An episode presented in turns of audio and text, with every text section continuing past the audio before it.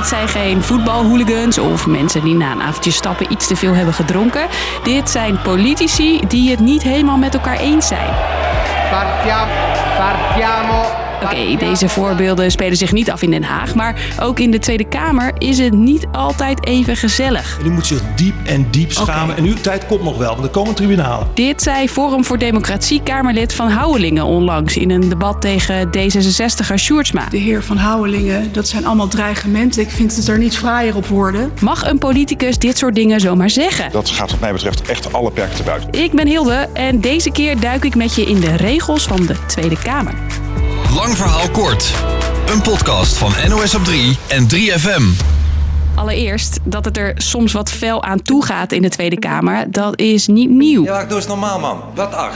Ja, doe eens normaal, man. Ja. Lekker zelf normaal. Voorzitter, ik ben inmiddels ook voor flapdrol uitgesproken. Dat mag kennelijk ook. Daar zit ze, de sluipmoordenaar van de agrarische De sector. minister is naar mijn ogen klettergek geworden. Ik ga niet terugnemen, ik ga het nog herhalen. Misschien herken je een paar van deze momenten nog wel. Ook toen was er ophef over de dingen die Tweede Kamerleden naar elkaars hoofd slingerden.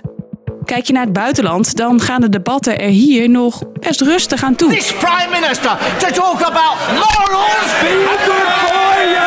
Dit is in Engeland. Daar wordt in het parlement soms flink heen en weer gescholden.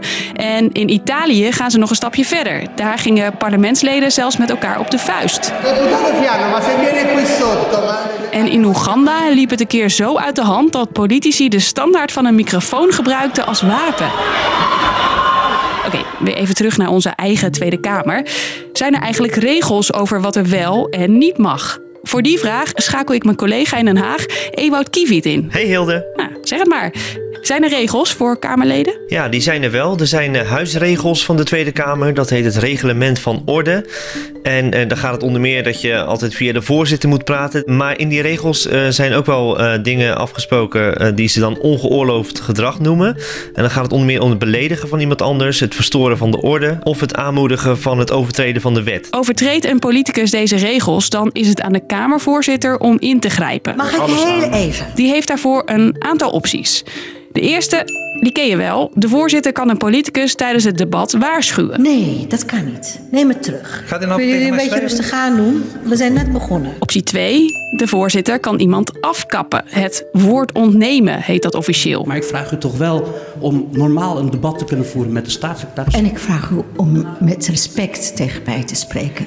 Nee, u krijgt niet het woord. Deze twee komen regelmatig voor, maar de Kamervoorzitter heeft ook nog een paar verdergaande opties, vertelt Ewout. Iemand kan ook het woord worden ontnomen over dat onderwerp voor de hele dag. En zelfs geschorst worden voor een dag. Dus dat iemand helemaal niet meer bij het debat aanwezig mag zijn. Nou, dat laatste, dat gebeurt eigenlijk vrijwel niet. En, goed om te weten, Kamerleden kunnen niet vervolgd worden voor wat ze zeggen in de Tweede Kamer. Ze zijn op dat moment onschendbaar. Dus dingen die jij op straat roept, daarvoor kun je worden aangeklaagd. Maar als het in de Tweede Kamer gebeurt, dan kan dat niet. Je hebt best wel veel vrijheid, omdat je dus echt een volksvertegenwoordiger bent. Eh, Mensen hebben op jou gestemd. En dat is volgens PVV-leider Wilders erg belangrijk. Als ik zeg dat premier Rutte, die aan Tommer heeft gelogen, een leugenaar is, dan is dat niet aangenaam, maar dan moet ik dat kunnen zeggen. Onschendbaar of niet, FVD'er van Houwelingen krijgt flink wat kritiek op zijn bedreigende uitspraken tijdens het debat. Ik vind het echt verschrikkelijk. Ik kan gewoon niet begrijpen dat iemand het in zijn hoofd haalt, dat iemand het zegt. Ik vind het een verschrikking. Het is Nederland onwaardig en daar moet tegen gehandeld worden. Volgens D66-leider Kaag moet er dus iets tegen dit soort bedreigingen en uitspraken gedaan worden. Maar ja, zoals je net hoorde, zoveel kan er niet tegen gebeuren. Toch is het verhaal hiermee nog niet gedaan. Ook de Kamervoorzitter, Vera Bergkamp, is klaar met dit soort gedrag in de Kamer. Ze gaat daarom met alle partijen in gesprek. Ik ga ervan uit dat iedereen eh, die vrijheid van meningsuiting een groot goed vindt. Maar we hebben ook in ons reglement van orde gezegd, die waardigheid, daar hoort bepaald gedrag bij. Eh, laten we het daar eens met elkaar over hebben. Het is alleen nog maar de vraag of zulke gesprekken, bijvoorbeeld bij Forum voor Democratie, echt wat gaan veranderen, vertelt verslaggever Wilco Boom. Ik denk dat we daar geen overspannen verwachtingen van moeten hebben. Twee maanden geleden nog vergeleken Van Meijeren het coronabeleid van het kabinet nog met dat van de Duitse bezetters. Nou, van Meijeren zei in een interview onlangs ook dat Forum moet chockeren, de boel moet ontregelen om de tyrannieke overheid te bestrijden. En Baudet vindt de ophef eh, noodzakelijk, dat schreef hij in een essay. Dus, lang verhaal kort. Verschillende politici maken zich zorgen om de sfeer in de Tweede Kamer. Doen ze na uitspraken van een Kamerlid van Forum voor Democratie tijdens een debat. En nu, tijd komt nog wel, want er komen tribunalen. In principe mag een politicus tijdens een debat alles zeggen, maar er zijn wel wat regels.